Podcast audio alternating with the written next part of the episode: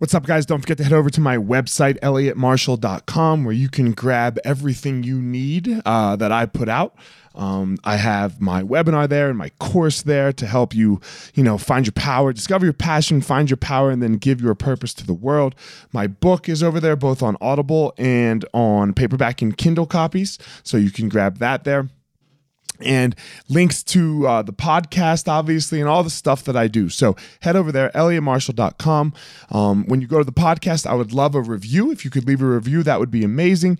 And give me a follow on Instagram, firemarshall205, and go hit up my YouTube channel. Just type in Elliott Marshall on YouTube, and you will find me. Subscribe to the channel, leave it a review. I greatly appreciate it.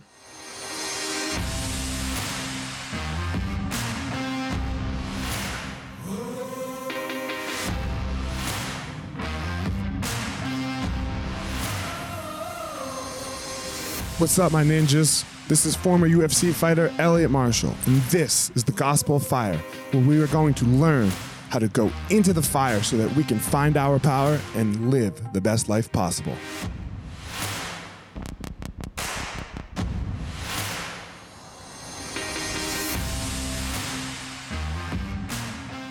Guys, without further ado, um, this podcast is with Jose Ruiz. Jose is the son of Don Miguel Ruiz, who is the author of a book called The Four Agreements. And this book changed my life. You, if you've listened to the podcast or just listened to the, the content that I put out, uh, I talk about this book often. So, um, yeah, he, he's the, he, it's his son um, that that we're talking to today, and it was uh it was a really interesting journey, a really interesting time because um, I wasn't ready for some of the stuff he said, his struggles in life, things that have happened to him, even growing up with all of this. So uh, I don't want to ruin it, but without further ado, here we go. Jose Ruiz. Jose, how you doing, man? Very good, brother. How you doing? I'm doing well, man. Uh, so initially, right, like if, if let the audience know, uh, your dad came up on my list, you know, uh, of like like came across my plate. I was like, oh man, I would I would really love to talk to him because he wrote a book called The Four Agreements, right? And then that book changed my life a little bit. Uh, I, you don't know this; you're about to find it out now. Every morning when I wake up, like I do my I do my my breathing, I have my gratitude time, and then I always make the four agreements every day. You know, um, and just to let everybody know, the four agreements: you be impeccable with your word, uh, take nothing personally, make no assumptions, and always do your best. So uh, these agreements changed my life, and he's your dad. So I, I'm assuming that it changed your life too. Tell me what it was like. Tell me what it was like. Tell me what tell me what you're all about, first of all, and then we'll like get into like your work. Yes, uh, I'm very grateful for this work that my family did. It totally changed the point of view how we live life. And uh, one of the interesting things when I first read this book, I, I said to Father, I know this information. He puts a big smile on his face. He said, Of course, you know it. Everyone knows it because it's integrity talking to integrity. Now, this, when I read this book, I felt like this is simple. These agreements are so easy to master. One month hmm. later, I go to him and says, These agreements are so difficult. And he goes, hmm. Well, the agreements, those are easy. The agreements that you made in your life, those are the difficult ones. And those are the tasks that you need to break. So those are the, the challenging ones. Explain that more. What do you mean the agreements that you made in your life are the difficult ones? Let's say you know let's say I'm, I'm programmed to take everything personal. Even as a little kid you know in the neighborhood we we look for people looking at us to ask them what are you looking at? you know? And it becomes a little programming there. So it's a lot of attachment. So the moment that we begin being aware that these things are hurting us it, first is denial. And that was the most things of the uh, feeling detaching of my ideas because who am i without without these ideas of me being less than or me being like everybody else that I don't take responsibility. But when it was in my face and I know this, I cannot fool myself anymore. So we take attachment like to detach from things. It's so hard, right? Yeah. Like things happen in your life. At, uh, people are mean to you. People, right? Like, like these these things happen to all of us, right? So yep. where where take me through like this process. Like, I mean, the like I agree, the agreements are amazing and they're so simple but I mean, like, you know, I yelled at my friends last week, right? Because I, and so I wasn't being impeccable with my word. And, um, I mean, I broke them all, all, all in one conversation, Right. I wasn't being impeccable with my word because I was taking something very personally. I was also making assumptions about what somebody else was doing. And then I was an asshole. So that's not my best. Yes, and, and but this is a good thing to come up because there's awareness. Before there would not be awareness. And many mm-hmm. people do these acts without being aware or responsible or owning them. Now that we practice these agreements, yeah, we may cross the line, we may do negative things, but the moment that we begin being aware, we get uh, uh, confronted by our ally that we've been betraying all our life. And this our, our consciousness. When we betray our consciousness is the key that we take excuse for everything we do. But now when we're stuck in the middle and it doesn't feel good, then it's like being in ghost town saying, I don't belong this way. This language doesn't belong to me anymore. And I'm tired of hurting people. Then they forgive me and then hurting them. You know, at this point, it becomes pointless. So in that moment, everything that one believes, it disappears. Now the scary part is to recreate a new dream. Okay, so how do we recreate a new dream? That's intent and action, you know. Many times, you know, life beat us, they put us down, and then it programs to do it to ourselves. And the moment that we wake up knowing that we take the responsibility, we're not blaming anything anymore because we can be so intelligent that we can create justification, any excuse to convince others. You know, like if it was a corrupt lawyer, know that the person is guilty. I mean, he's not guilty, but he wants to do everything in his power to not lose, to make that person feel guilty. So in this one, we're misusing the word.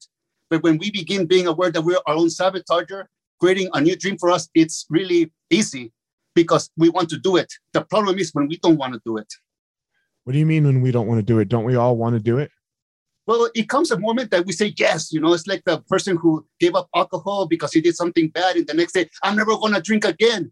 But he doesn't really want to do it, or just guilt and shame to not be judged by itself. But when he really wants does something that hurt its integrity and its family, it doesn't want to go to that way. It changes a point of view because he's not playing games mentally anymore or you do or don't do. And this is what separates us from the sleeping because we are aware consciously that we cannot betray ourselves anymore. That in the past, you know, we get enabled, people forgive us, we do it again. And this is a dream. But when we take responsibility, it changes the court. So how do you take responsibility, right? Like, like what, what, what are some steps that people can do to start taking responsibility, right? Because I mean, it's so hard. Yeah, but right? the simple so is the, the, the first thing is honesty because okay. if you're not honest you're not aware what is affecting you or change or, or or you want to change. You're not aware but the moment that you are honest with yourself you have an epiphany. Now that moment it is now the work of discipline you know? And this is the moment of many people are afraid of because laziness or mental blocks happiness to not train to not push the body to not push the mind to not push whatever we can do that in the moment that we get comfortable in an island of safety and a pain that we're used to a self-doubt, but it comes a moment and you say, hey, this life isn't for me, especially if one lives in a business relationship and says, you know, this is eating me alive. This is taking my inspiration away. You know, and, and it's not about religion, it's about living. And this is not living. So in that moment, you know what's good for you and you know what's not good for you, but nobody will know. That's when the consciousness that you do it for the love of your life. And many times we think that the love of our life is outside of us, but this body this is the love of our life because it's taking everything for us. It's so loyal to us. The question is, when are we going to be loyal back? And that's when everything changes. Okay, keep going. So be loyal back. What is that? So you have to be honest. What's next? Well, next is the transformation, taking action. It's like don't go walking or don't go walking away from Medusa and then turn around and turn you into stone. The moment that you make a decision, you walk away from that dream, and it's not bypassing is having the realization of something is not good for you. So what I'm saying right now, it could be plural in many ways of dreaming, but the important thing is taking the action. Because if we don't take the action, there will be no transformation. And it will be like my brother teaches saying, you know, you can read the whole cookbook, you can memorize it, but if you never get in the kitchen, you will never know what it tastes like. All right. How do I get in the kitchen, man? Well, get the ingredients I want once. And that's the beautiful thing about many times people fed us food that we like, and many times they fed us food that we didn't like. But when we're in our own kitchen, which is the mind, the words are the ingredients, the stories are the ingredients. Now we know that everything in that is a story. And the principal thing is to change the storyteller. So almost like separating a little bit, like se- separating your consciousness a little bit from you and who right right Ex- explain that a little bit because like you, you're you're talking about it but but people have a have a have a hard time with i am not my thoughts right or Well, i am let's say- go let's say we have an out of body experience. And many people think that it's sleeping paralysis, paralysis. We float and look around and see our body dreaming. No, oh, that's just a dream. An out of body experience is when you realize that there's more than life, than everything we're seeing. right And then we see that we see ourselves dreaming. We see ourselves automatically doing it. We see ourselves creating this, you know, this nightmare this masterpiece of art. But the moment that we step in, it's like taking the kitchen back and getting our words back. So what do create stories? Words create the stories. What create the world of the gods, the world of belief? Word that the words created.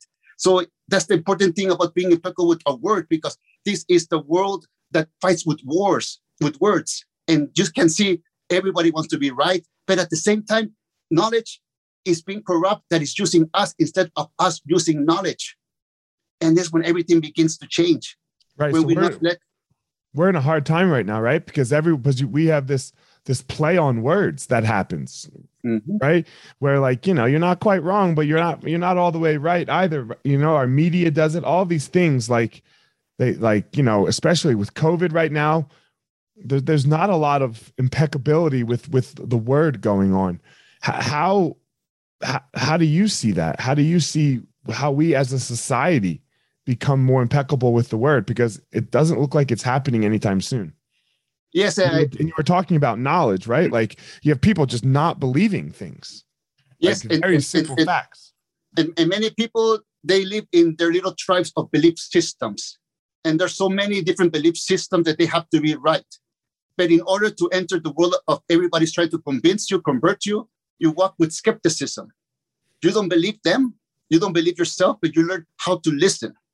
And why do i mean not believe ourselves? Because we may take sides of what's convenient for us or sides with our family or race whatever. But the moment that we see the whole picture we've seen, you know, the the the whole nightmare that the world's not being impeccable because people they don't trust, they don't trust them, so they trust others, and of course they're gonna be be very greedy, be very selfish. The world can be ending this sickness, but when we wake up knowing that the negativity has been there from the beginning, at the contrary, now we're seeing even clearer. Before we didn't even see what's going on, and now the power of internet, the power of science, you know, people cannot manipulate as they used to be before. So I believe that we're getting better as, as a society, as humanity, because we're identifying the lies now. The lie is still surviving. It still wants to survive, and it will do everything in its power to, to be right, even though it's wrong. And we can see the interesting thing. A dream is losing its power. It's like when you get into the last level of video game, let's say when we were kids, you know, the video game was calm, the bosses were, were calm too, but at the la- last level, it becomes so crazy. It's because it's like a chicken running without a head. It's been identified. It's wounded now. Now it really wants to. So the important thing about this is to respect our homes, live to truthfully in our homes, in integrity, because the integrity is intent in action. So no matter what they're dreaming outside of our home, inside of our home, we're creating this energy. Now, when we walk outside of our home, we're bringing whatever we have in our hearts, in our minds, our acts, we're taking it everywhere we go. And that's what we have to offer. So this is the most interesting thing about the world right now. What are we offering to the world? You know, some people say they're offering positivity and goodness, but when they go back home, when they go back, it does it's a pretty mask, you know. So right now, the little ones are calling, you know, BS on everything, on all the religions, on all the politicians, on all the, the media, the social media, the entertainment, because it's something that's being grown, that something doesn't want to lose its power. And when we see with power of love, we can totally see that that person cannot survive. So you're talking about some big concepts here, right? You were talking a second ago about like uh, you know, the the lie has always been there and we can see that, you know, and we can trace that back. And this this touches on the subject of religions here, you know, and kind of all inclusive with with with with what it seems like you do, and we'll get into it in, in a little bit. It, it touches on religions. Where where are your where's your stance on religions? Like what how do you feel about about them and about their validity and and and you know like and their use in the world today Well, first of all, it's a beautiful story that got corrupted by greed and power. And every religion has two faces evil and goodness, because it's just something that was created as a society to stop the addiction of suffering in every culture. But now, because it's power, it's money, and, and it's just a living giant, you know, and it's not even our own. It's our grandparents, their grandparents. It's not even our, our tradition. So when I see it, I see it like a dream. What good can I take out of it? And then I don't come from those religions. Somebody comes from those religions that I can speak to as a philosopher and philosopher, also artist and artist. And and it's my job to get whatever I can, goodness to wherever I come from. And and and they go to their religion and they can clean up whatever corruption there it is because there's a lot of corruption in religion that many people cannot even stand to see the beauty in it because they are going into battle and they want to run away. But the moment that you know we cannot run away from ourselves. We can run away from many things. And uh, in the running away I, I tested many religions to see what was truth what was wrong. And you know what i saw i said forget the doctrine forget the sermon i began seeing how people live how cultures treated women, children, how they treated each other. And then it's when I found out this is the realness.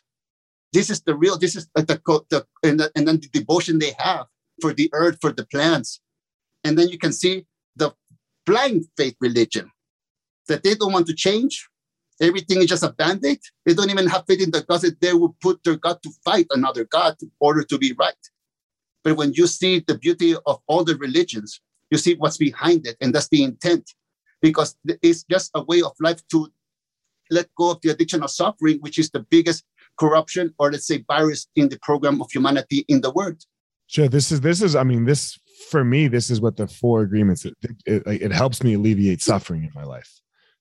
Right? So and this is uh, of all the things that we have com- in common um me and you right we've been on 15 minutes now right uh I guarantee you that, and we don't know what else we have in common. We might have a lot of things in common, but we both know that we've suffered, right? Yes. It, it is part of the human experience.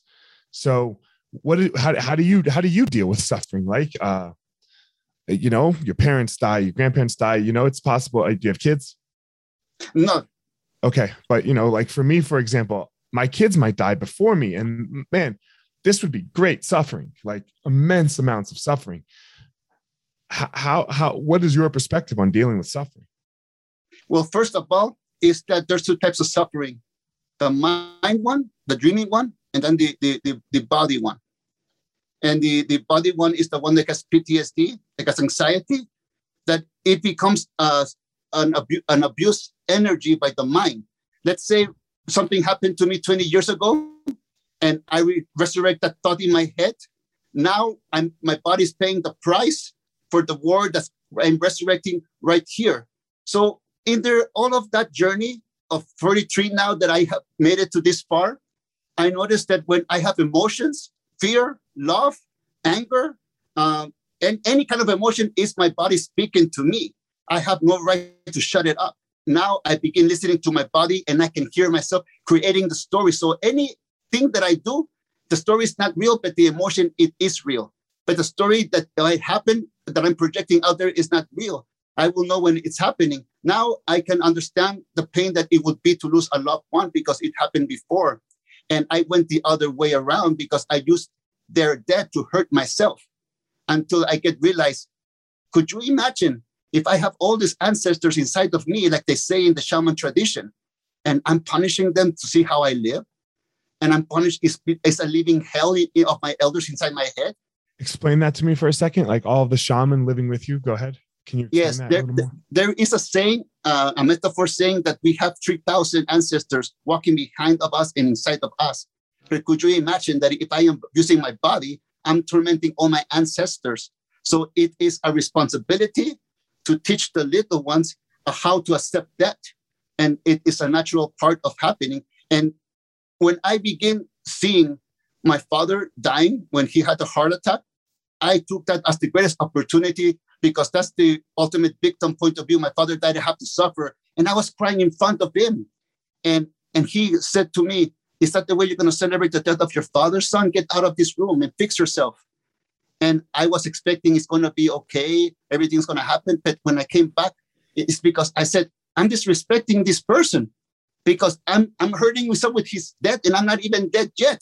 And I'm beginning, I thank God that he stopped me in my tracks. And when I know that, you know, because one month before this happened to him, I, I, I, I tried to commit suicide, but I, I was not successful. So the ultimate thing I could do, he teach me how to forgive myself. So I felt that everything was ready. But when I was in the hospital waiting for him outside the room, I said to myself, what if it was me who died and my father doesn't want to write books anymore, doesn't want to talk to people anymore? If I could speak to him, what it would be? Hey, son, you are alive. Hey, father, you are alive. You're not dead yet. I'm okay. You're in a place. Don't hurt yourself with my death. In that moment, it's like I didn't have time to waste. And I grabbed his hand and I said, I'm with you now, Pops. And he was good. Welcome back home again. Because this was another opportunity that I used to hurt myself and separate myself from, you know, integrity. So in that moment, I asked him, How can I repay you everything you teach me? And he said, Okay, if you really want to know, help me to change the world inside your head. Every time you say you're not good enough, you're meant to love, or something happens outside of you, promise me that you will not hurt my son for whatever happens to you. In that moment, my reality of victim changed. And it was now the point of view of gratitude. How and old then were you I- at this point? I was probably like 23, 24 years old. And when your dad had the heart attack? Yeah, I was 22 Okay. And when did you try to commit suicide? when I was 21. Okay. What was what was going on? Why? Well, well, I lived a whole life since I was 13, 12 in addiction. I, I got into crystal meth when I was 15, and many things happened in that world that when I had a few death experience, I wanted to leave. So I went to get married, thinking that that would be the perfect dream, letting an old dream, have married, have children. Well, I couldn't do it that because I still have dealing with myself. So in that moment, I went cold turkey for like two years. But when I had um, marriage problems, it's just like I lost it because I wasn't mad at my partner. I was mad at life because I was trying to change my life. And in that moment, I relapsed. I drank a lot of champagne, I think it was, and I the the the the, the marble snapped. And in that moment, I didn't. I was mad at God, and I didn't want to live. I got I got a steak knife and punctured myself twice in the stomach. And I, I was a little chubbier than I am now, that it was like this main from the main artery. But in that moment, brother, I began seeing all the negativity, all the damage that I have done. I was ready to go that even when I passed out and I opened my eyes, there was this white sheet above me. And I thought I was dead. I was thought I was listening until someone uh, sneezed and I said, a tight. And but then I, right there, it was the ultimate thing because I was alive. I was feeling this weird sensation. Now the interesting part happened when my father came to visit me the same the next day, and Can he I, ask asked you, me, can I ask you a question? yes, Had you grown up with all of this philosophy?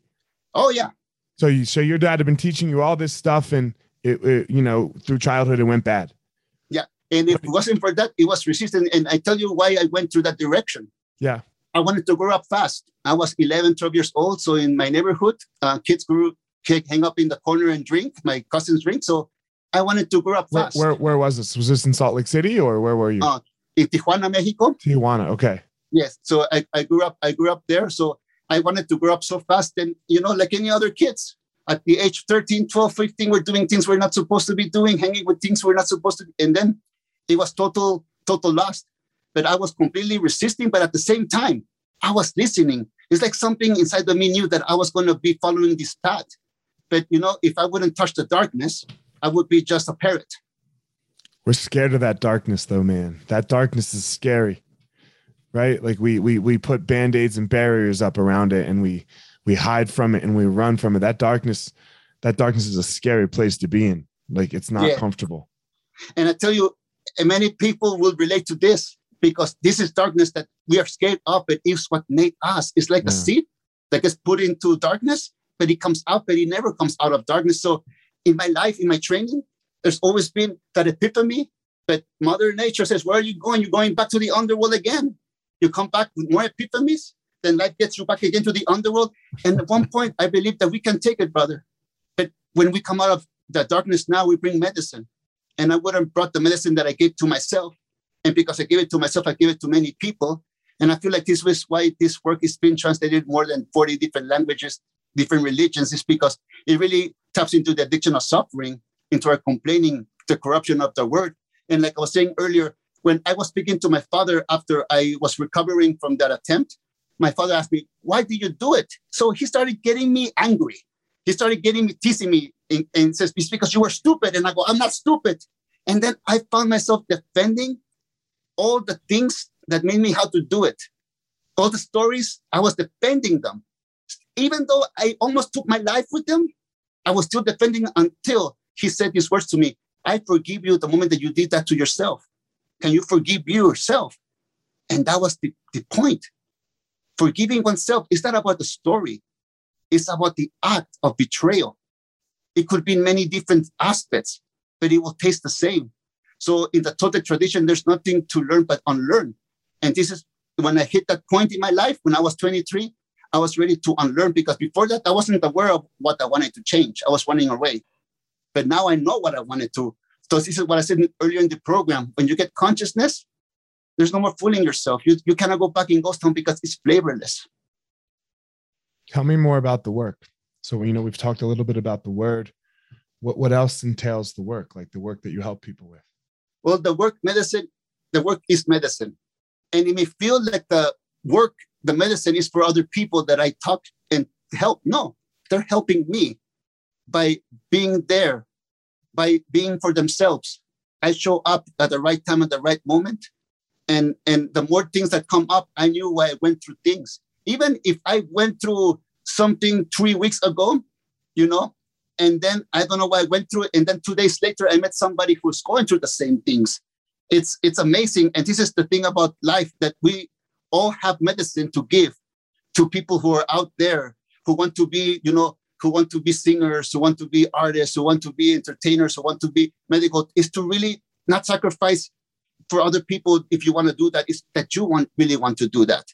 And when you have somebody who has that passion for what you love to do too, it's like you look up and you know that everything you went in life for is to train the little ones.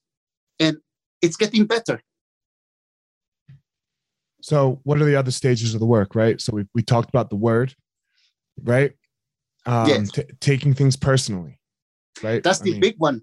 You know, yeah. that's that's the big one because we take everything personal because we're ready to fight.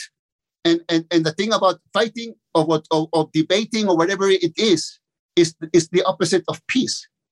And we have to feel giant. We have to feel bigger. We have to have last words sometimes. But that's all in the in the uh, machista machista world that is being contaminated. And what I mean by that is that you know it's the cold-hearted, the, the, the stuff mind that is not caring, in the moment that we take this away from the little minds, the minds can be growing up to be trusting. So the impeccability of the word really it is not taking yourself personally because you're not using the word again to hurt yourself. And it's a it's a doozy because it, it, it is so many temptations that happen every day. But at one point is to not be afraid of these temptations, is to expect them. What temptations? Whatever it is that you use to hurt yourself in life that happen outside. We, we cannot control the world. It's like saying to somebody, hey, my, my, my kid's going with us today. He's afraid of this. Don't mention this to him. Okay. Okay. And, you know, we, when we grow up, we're not kids anymore.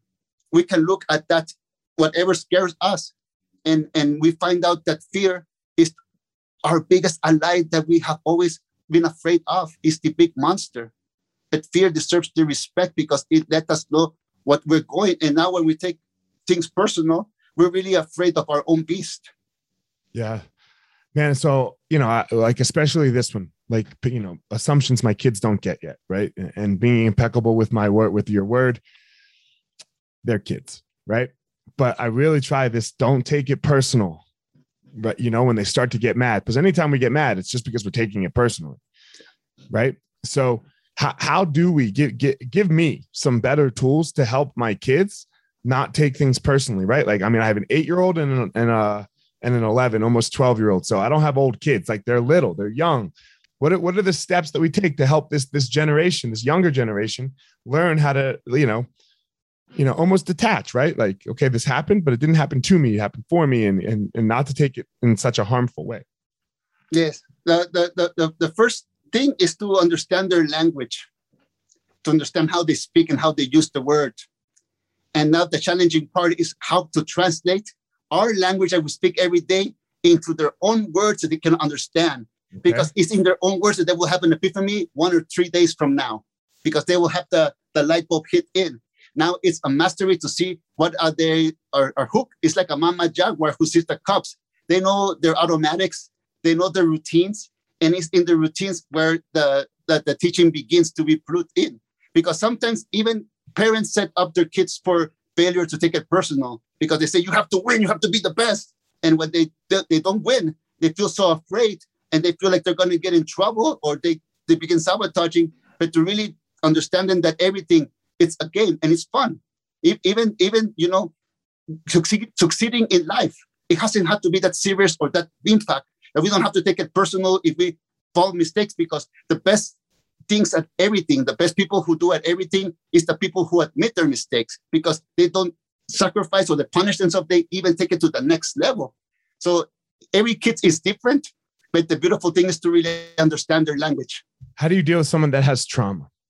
right? Because there there are like, and in in from my perspective, we kind of overuse this word a little bit, trauma, right? Like I, I do, yeah. like everything, everything you could say is trauma. That has that every experience is trauma, but there are people that have had real trauma, and for them to let go of their fear and not take it personally and then not not to make assumptions about what's going to happen the next time that a similar situation comes when you've had real trauma like the PTSD man, it, it's really hard.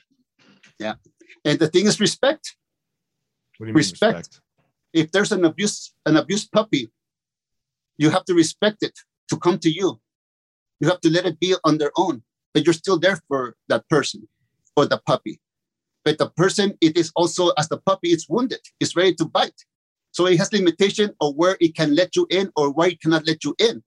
The important thing is to be there with that person that you love listen to them don't push them too much but and they will little by little reveal reveal and but they first have to have trust in somebody so they can have trust in themselves. And i tell you one of the things that i learned from my nervous system because i learn i live with you know panic attacks i live with nervous system because of what things they don't go away. But how i deal with them it it, it helps a lot. You if still I, get panic attacks? Oh yeah, yeah oh yeah too. it happens it happens, yeah. and you know, in that moment, I know that there's nothing happening outside of me. You know, I didn't break any law. I'm good. I just have to breathe in. No one's gonna take me nowhere. Right. But it feels real. Right.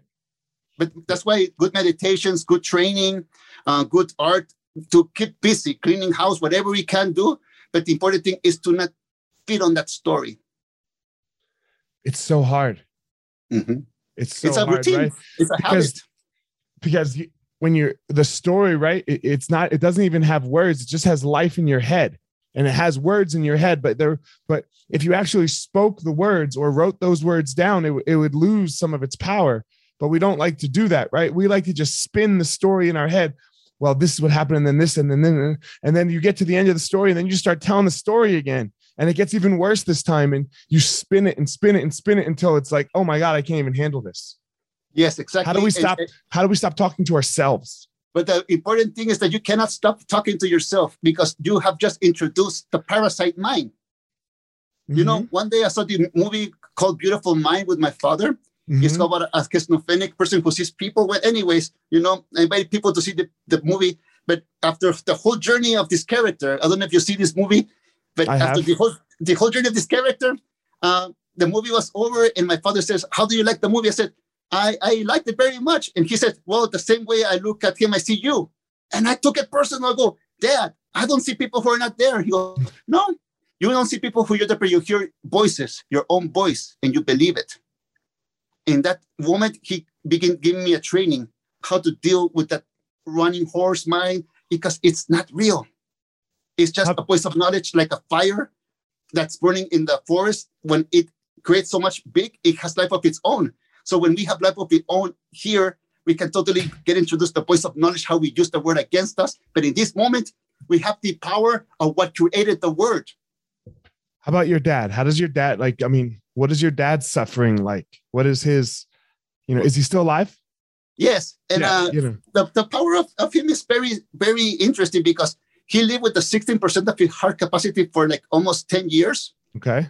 and, and he said you know all my life my body supported me now it's my time for my mind to support my body and being in pain doesn't give me the excuse to live in suffering. So i never see him complain. Even to the point that you know he's bleeding in stage with the cotton he's still giving a speech. And uh, he's always been you know strong. And uh, one thing about him is that he doesn't you know give candy to the parasite mind. He tells you straight as it is. So people begin thinking before he comes in. So he lives in his integrity and especially when he had the heart attack and he was in a coma for nine weeks just to see him come out of that coma give everybody how, what they wanted to l- learn from him because people were still searching. They were not even mindful of his body was broken you know.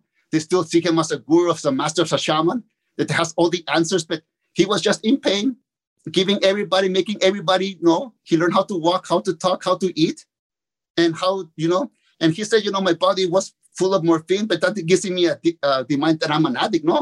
In the power of the mind can let everything go like this. It's the thing that we hold on to because we're addicted to suffering. So seeing him made me aware of my mastery of complaining because i complain and don't do and have all the justification all the excuses and they're good ones Until the point that he says i still see you play like little kids like you play with knowledge like they were toys. And then I begin thinking like an elder. And it's a lot of training, but at the same time, it's a beautiful thing to see everybody like they were just children, like my mother used to say. How did he get here? Where did this start for you guys as a family? Well, the more that we can go back for is a few generations, I think six. It was uh, my great great grandfather in uh, in the time of New Spain, Mexico. He was the first Mexican that you know that he saw. He was from the hand of the king into the Mexican government. He was like all in that point. So he used to be an undertaker. Legends say that he lived until like 115 or 17, something like that. But he used to teach people in the cemetery in his neighborhood. Then he had a son, and then his son carried the Nahual energy. And he was a musician, a military person. He found the gift of teaching through the music and uh, the, the language of the infinite. Then he had a daughter, is my grandmother, and she became a curandera What's in that? Mexico. Is a, a healer and uh, Okay. an- a healer from the old Mexico that integrated the indigenous and the Catholic into one. And uh, and that's how the society grew grew in Mexico. And then she made it to San Diego. And, and then is when my father left medicine and began studying with her after her car after his car accident in Barrio Logan in, in San Diego. And then What year was this? probably 1984, 85. Okay. Yes, and and then uh, father learned how to speak English in 1988, 89. He was teaching, and by the year 1997, he published the the four agreements. But before that, he just like begin learning English, being um, passing the traditions. And uh, one of the things that my father loves to say is that when we speak about the Toltec tradition, we're not speaking about 2,500 years of our ancestors. We're speaking of the Toltecs of today, which it is. It was what that what Toltec means, artists of the spirit. The and that's what you guys teach the Toltec tradition, yes? Yes. Um and, that, and that's what you do for a living. Yes. Okay. How do people find you? Like like how do how do what tell me what the process is like a little bit. So like like let's say I want to go on the, the the journey with you. What what what's it like? What are the steps like? Well, the the, the, the, first thing before the before the, there was internet, we just was word of mouth. Right. and with the word of mouth, people started coming, people started coming, and and and my dad got all these these these things, and he rejected them until he accepted one, and then came the world of the internet, and what that's do you how mean people he, he rejected until he accepted? Well, he didn't want to put his work out there in a big global thing Got until it. he was ready to until he felt it. And uh, and this is when he said that the agreement's going to pass into many different languages and help a lot of people. But uh, the main thing that he did is that he, he used whatever helped him and took all the corruption, superstition from the Toltec tradition that was meant, you know, for made made made with uh, with time. And the thing is that it was going more for the power of creation and truth because all of this is created by the word. And and you know, many traditions in the past didn't want to hear my dad at all because he was busting their bubble. because you know they were living in superstition. But who will be them without the superstition?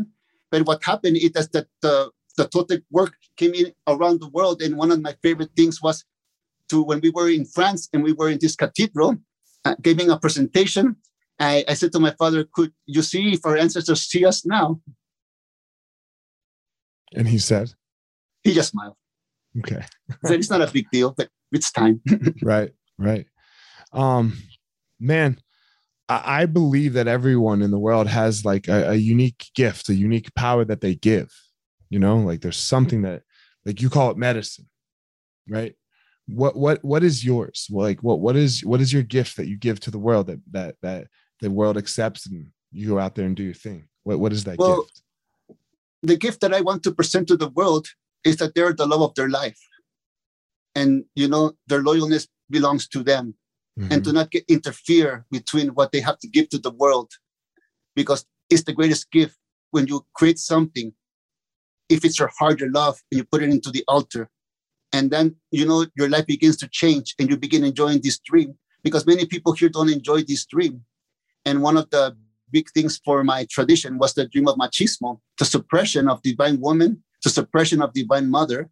And what happened was the one who hurt a lot was the people that I know that they were the one applying this machismo. No one wants to be around them. They're alone.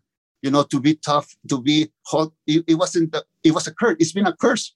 So if I could give this to the little ones, because I know this affected me in my life, and and I have the medicine to share everybody that they're the love of their life, that their voice is powerful. You know, I used to be this junkie in uh, I used to be this junkie in in and then a year later in, in Tijuana I was in the gutter I was like in the neighborhoods junkie you know and, and then one year later it was like a magical transformation. I was like in Malibu having dinner with Robert Downey Jr. like like a crazy dream. And then you know I and then I see the both dreams and then I go up and it's like I say to the little ones no matter if the world see you a junkie or less than. You can always prevail and come up from darkness. And it's that you believe in you and no one can write the story for you on the contrary, they will judge you, they put you down, but if you don't take them personal, they give you power. Like I said to my father the other day, I kind of like to be judged. He goes, Why, son? It's because I take that into medicine and I, I have another way that the, the, the dream destroy us. So I have another tool to teach. Did you guys help Robert Downey Jr.? Well, it's not that we helped them a lot. It, it was just a, a, a, a, communion, you know. It's not that we helped each other. Is that was that was this life that just met, we connected, and go. I can say that he helped me too because we we saw each other's eyes and, and right. his presence of where he has come from from this world of you know artistic because everybody heard about his fall because he was sure. in gossip news Famous, you know yeah. but no one heard my fall but you know it doesn't matter where you're it's at the same life. fall right the poison will get you yeah um man uh the last question i always like to ask my guests is look this podcast isn't really going to i mean I, I, feel silly asking you too because I think I mean you you don't even you don't care, but a lot of guests, right? Like they want you want something out of it. You want you know like like a famous podcast. You go on a famous podcast because it will blow you up, right? It will make you. It will put you out in the world more. Uh, my podcast just isn't that big, so why why why take your time? You know because it, it you know it might not really do that much for you. So why take your time? Come on here, talk to me for forty five minutes to an hour. Like why do this? Why why do you do this? Well, every invitation is like someone is offering you the table and food on the table. When someone offers you a gift of love, you take action. And the gift of love that is being at the table, the conversation that happened at the table will help many people that you don't have no idea. And the thing is that we show up. And when we show up, we're just gratitude because it's not that we're saying about who famous or not famous because in reality, it does not matter is who's in service because we both of us work for the same boss. Like you said, we both touch suffering and we both work with the same boss to eliminate the suffering wherever we come from. So I just I'm full of gratitude because when you give me this offering, I say yes because you know you offer me. well, man, I appreciate it. Uh, man, if I want to work with you, if anybody wants to work with you, what what are the steps to take to do that? Well, first of all, is the commitment that you want to work with yourself because we just give all these tools as a reflection. But the one who's going to be working on themselves is themselves. And this is when we hear the call. The moment that you hear your call, we're there to help. And the thing that we say, you know, we're here for everybody, no matter what walk of life you walk in. You know, we've been working with ourselves in many different traditions, from the Mormon tradition, from Islam tradition. We, we found many different people who come because it's not about religion; it's about bettering ourselves. And uh, when you're ready to better yourself, you know the, the the teacher or the words will come into point. But uh, in this beautiful thing, you know, the beautiful thing is that there's books, there's um, internet, there's YouTube that you can hear the books for free being, being played that people share. I, I love when that happens. And um, the beautiful thing is that we're there. Just one thing is like this, you know, if you want to go listen to a good music, you go to the ticket master and you get your ticket and you show up and you're ready. And if it's general admission, you get there early and your first right hand. But it's a determination, you know. yeah, man, I like it. Uh, Jose, thank you so much for coming on. I appreciate it. Um, mm. uh, I like I said, I loved your I love your dad's book to the to the point where, I mean, even as we all mess it up, right? Like I, I'm in no I'm in no way perfect, and in no way do I hold true every day to these four agreements that I that I agree to every morning, but I do wake up and I do agree to them every single day. You know, yeah. every every single day of my life, I, I repeat them, um, and uh, it's to it's because of your family. So, man, uh-huh. from me to you, thank you so much. I oh, thank you, brother. And, and, like you were saying, it just reminded me when you were speaking. I just imagine, you know, this is how we all learn to walk. Yeah. We stand up before, we stand up before, but the determination. One day we're not gonna be able to admit when we're running. Right. we won't even know it. Yeah. Yeah. So, man, thank you so much, guys. As always, uh, don't go out in the world and try to be Jose. Jose is is his unique individual person. Um, don't go out in the world and try to be me. I have my unique and individual power as well. So you go out in the world, everybody, and you find your own power. All right, everyone, thanks for listening to this episode of The Gospel of Fire. If you enjoyed the episode, I'd love a review on iTunes or wherever you are listening to this podcast. Don't forget to follow me on social media at Fire Marshal 205. If you are a BJJ enthusiast, check out my YouTube channel. I put all kinds of instructional DVD uh, videos out on there, so go check it out. My book is still out on Amazon by the same name as the podcast, The Gospel of Fire. So if you are interested, go check out that. And most importantly, guys, go out there every day, find your power. Thanks a lot. Guys, look, I get it. I totally get it. You opened a martial arts school, and man, it's kind of crushing you. There's all this other stuff to do other than teach, right?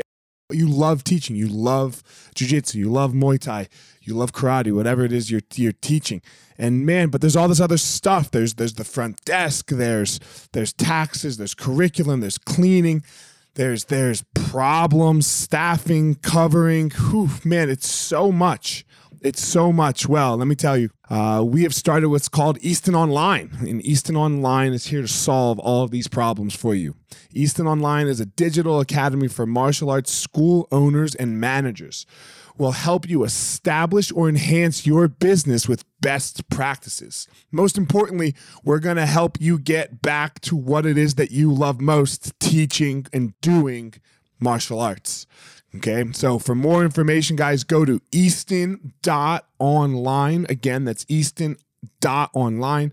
Add your email. You're going to get notified about the course launches. Our first course is going to be all about the first impression specialists, your front desk, and all kinds of stuff, special offers, promotions, as well as we started a podcast by the same name, Easton Online, that's gonna talk about our process of how how we went from a tiny little martial arts school to what is now seven martial arts schools, seven Brazilian Jiu Jitsu Muay Thai schools, um, in a very holistic way that we believe um, kept the integrity of the art and also deals with its people very well. So again, Easton.online, enter your email and you're gonna get all you're gonna get everything you need right there. So thanks, guys.